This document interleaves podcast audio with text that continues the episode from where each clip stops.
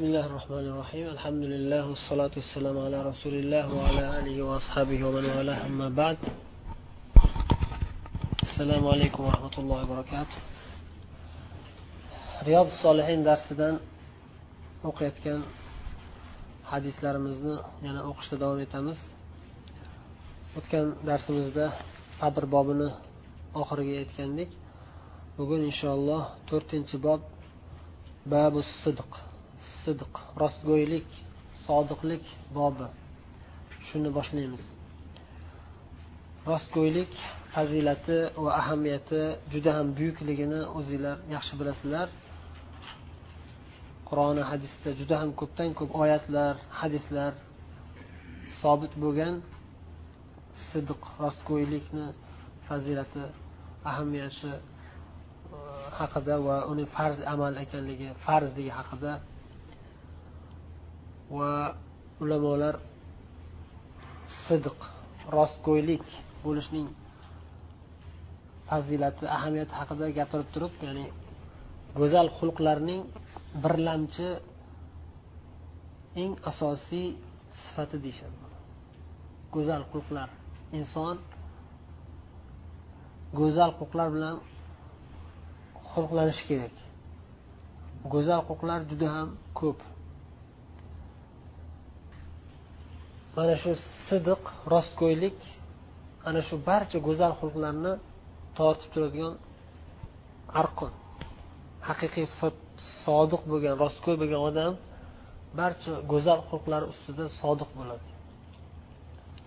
Sabr misol uchun o'tgan bobimiz.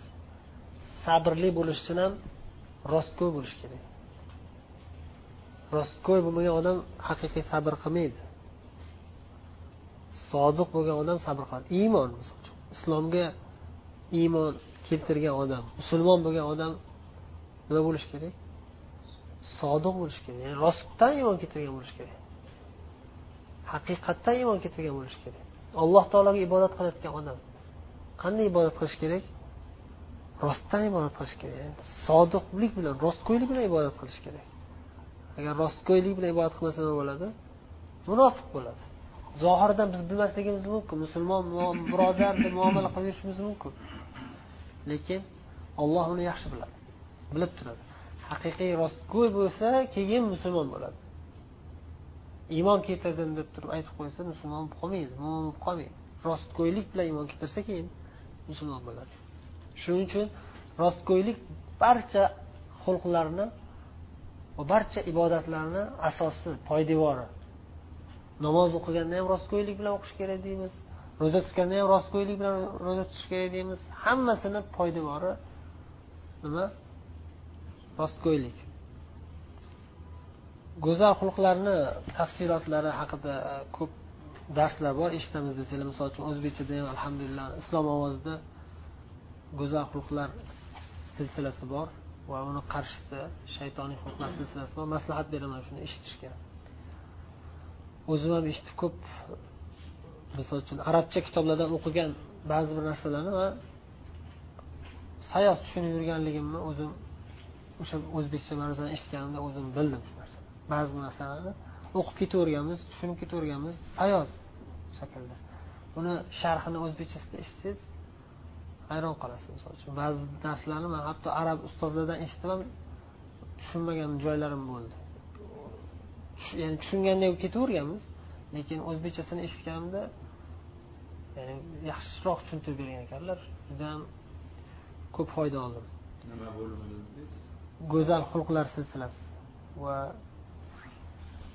shaytoniy xulqlar silsilasi uni qarshisida keyin inson nafs hayot degan bo'lim bor o'sha yerda ham yigirma uchta ma'ruza bor. Hammasi muhim zarur ma'ruzalar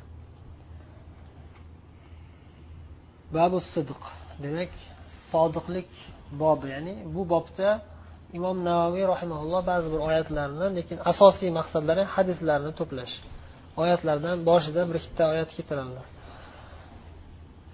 قال الله تعالى يا أيها الذين آمنوا اتقوا الله وكونوا مع الصادقين ey iymon keltirgan zotlar Allohdan taqvo qilinglar va sodiqin rostgo'y zotlar bilan birga bo'linglar sodiq insonlar bilan birga bo'linglar dedi.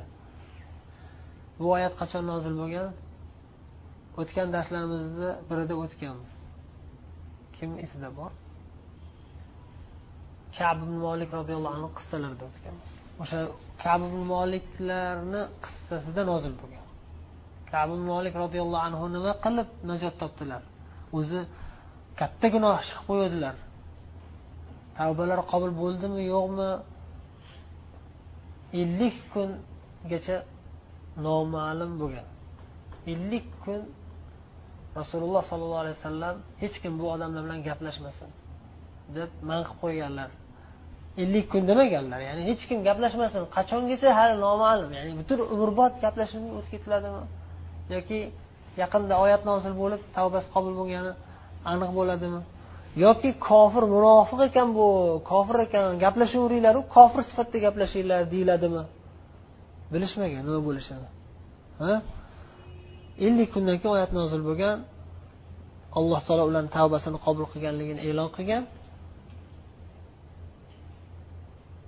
Nima uchun tavbasi qabul qilingan desangiz sodiq bo'lganligi uchun chunki ular qolgan saksonta munofiqni qilgan qilig'ini qilishmadi. Qolgan saksonta munofiq saksondan ko'p munofiq tabu g'azotiga nimaga bormadinglar hamma chaqirib ketdik desalar saksontadan ko'p odam kelib ey rasululloh biz borolmay qolganimiz sababi men kasal bo'lib qoldim deydi bittasi.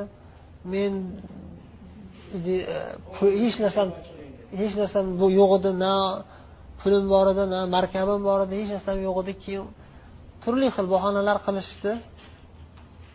Va rasulullohni oldilarida oppoq bo'lib o'zlaricha zohirida qutulishdi lekin bu kab molik bilan yana ikkita sahobiy nima deyishdi? Nima uchun bormadinglar? Qayerqa yo'qib qoldinglar? Deganlarida yo ey rasululloh kab molik ham boshqa ikkita sahobiy aytishganki ya rasululloh biz hech qanaqa uzrimiz yo'q. Biz aybimiz tan olamiz. Qolgan munofiqlar gunoh qilmaganday bo'lib turishavergan ellik kungacha nimaga? Chunki uzrli bo'lsa farz amal bajarishga qodir bo'lmagan bir uzrli bo'lib qolgan bo'lsa gunoh bo'lmaydida unga. Lekin olloh bilgan ularni uzri yo'qligini yolg'on gapirganligini. Yolg'on gapirib ellik kun maza qilib yashashdi o'zlaricha ellik kundan keyin kofir munofiq ekanligi ochilib qoldi. O'shalardan bo'lib qolmasdan o'shalardan qutulgan bu uchta sahobiy nima bilan qutuldi? Sodiqlik bilan qutulishdi o'shaning uchun olloh o'shalarni maqtadi. Maqtab hammaga namuna qildi. Aytdiki ey iymon keltirgan zotlar ya'ni qiyomatgacha keladigan barcha musulmonlar ey iymon keltirgan zotlar olloh bizga ham alloh taolo bizga ham nido qilyapti. Ittaqulloh allohni taqvo qilinglar va kunu sodiqlar bilan bo'linglar. Kim? O'sha sodiqlar. Ya'ni rasululloh sollallohu alayhi vasallam va rasululloh sollallohu alayhi vasallam eng ulug' sahobiylari ashari mubasharin va boshqa va jumladan o'sha uchta sahobiy. Sodiq turib rostgo'ylik bilan gunohini tan olib tavba qilgan. Biz gunoh qilib qo'ydik ochiqchasiga hech qanday aybimiz hech qanday uzrimiz bo'lmasa ham farz amalni tark qilib qo'ydik lekin tavba qilamiz ey rasululloh deb ochiqchasiga aytishdi. Hammani oldida gap so'zga malomatga qolib ketishga rozi bo'lib olloh rozi bo'lsa bo'ldi kim nima desa deyaversin aytishdiku kabi molikka qarindoshlar kelib e san o'zing o'zing sharmanda qilib shunaqa deding. Bir uzr aytsang bo'lardiku qancha uzr topsa bo'ladigan uzrlaring bor edi uzr qilsa bo'ladigan gaplar bor edi. U kabi molik gapga usta bo'lganlar. Xullas kalom demak sodiqlik bilan yutib ketishdi g'olib bo'lishdi shayton ustidan va shaytonni askarlarni ustidan g'olib bo'lishdi sodiqlik bilan shuning uchun olloh bizga aytyaptiki o'shalar bilan birga bo'linglar shunday sodiqlar bilan birga bo'linglar shunda najot topasizlar وقال تعالى والصادقين والصادقات yana alloh taolo aytdiki sodiqinlar erkak rostgo'y erkaklar va rostgo'y ayollar deb maqtadi oxirida nima dedi Aaddallohu lahum mag'firatan va ajran azima. Alloh taolo ana shu zotlarga o'zining mag'firatini va buyuk ajr savoblarini tayyor qilib qo'ygan. Kimga? Sodiqin va sodiqat. Rostgo'ylarga va rostgo'y erkaklarga va rostgo'y ayollarga. Innal muslimina val muslimat deb boshlanadi oyatni boshi.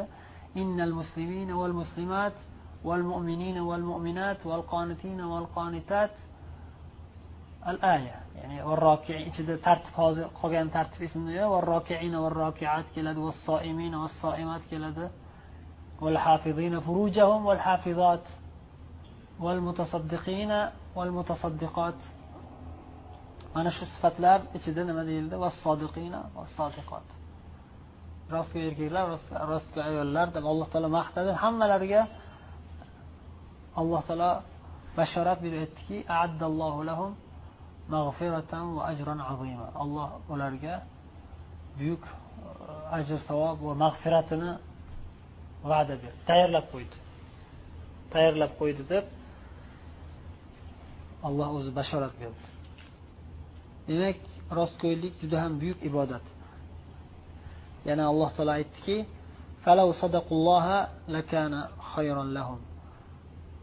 agar ular rostgo'y bo'lgan bo'lganlarida edi o'zlariga yaxshi bo'lardi. Alloh aytyapti ya'ni rostgo'y bo'lgan odam o'ziga foyda.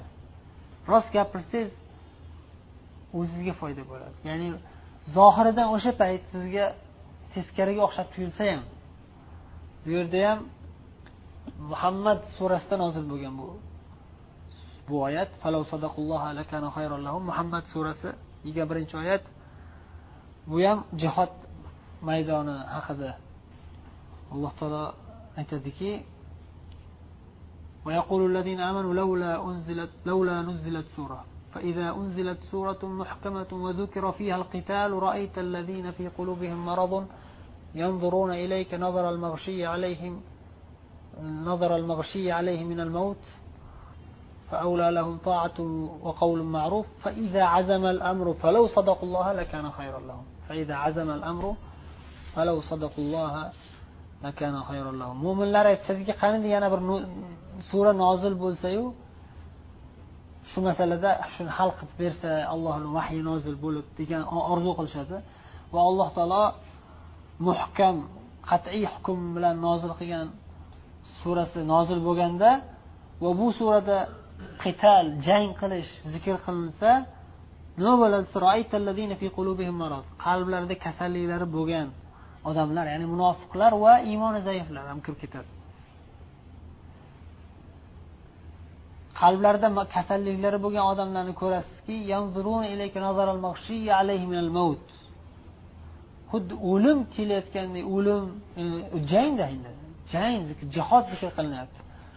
Jihod degani kallasi ketishi mumkin degan o'lishi mumkin degan o'limdan qo'rqib xuddi hushidan ketib hushidan ketib qolgan odamlar ko'zi bilan qarayotganday qarashadi. Qo'rqib ketishgandan. Jang qilamiz jihod qilamiz desalar rasululloh sollallohu alayhi vasallam olloh oyat nozil qildi. Olloh sura nozil qildi. Jihodga da'vat qildi jihodga buyurdi desalar iymoni zaiflar munofiqlar ko'ziga o'lim ko'rinib ketadi. Hushdan ketib qoling deydi. Ularga avlo ya'ni lozim afzal bo'lgan narsa toat qilish itoat qilish. Olloh rasuli buyurgan narsaga itoat qilish kerak va ma'ruf yaxshi so'z gapirishlar kerak. Amr qachonki o'sha ollohni amri farmoniga qat'iy kirishilsa ular sodiq turishsa ularga o'zlariga foyda bo'lardi. Rostgo'ylik demak inson o'ziga birinchi o'rinda katta foyda bo'ladi. Vaholanki ba'zi holatlarda rost gapirsam hozir manga zarar bo'ladi deb o'ylaysiz ham vaqtincha zarar bo'lsa ham sobit qadam tursangiz nima bo'ladi? Siz oqibati baribir sizni foydangizga bo'ladi. Yaxshiyam rost gapirgan ekanman deysiz oxiri. Yaxshiyam rost gapirgan ekanman deb o'zingiz xursand bo'lasiz o'zingizga foyda bo'ladi.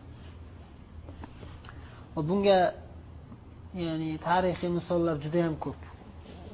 Qadimgi e, qissalardan ham hozirgi o'zinglar hayotinglarda ko'rib turadigan tajribalardan ham o'zinglar bilasizlar. Rostgo'y odamlar o'ziga foydaligini rostgo'y odam hamma yaxshi ko'radi. U odam rost yolg'on gapirmaydi rost deb hamma ishonadi. U hamma yaxshi hurmat qiladi. Rostgo'y odam bilan muomala qiladi. O'ziga foyda bo'ladi. Rostgo'y odam o'ziga birinchi o'rinda.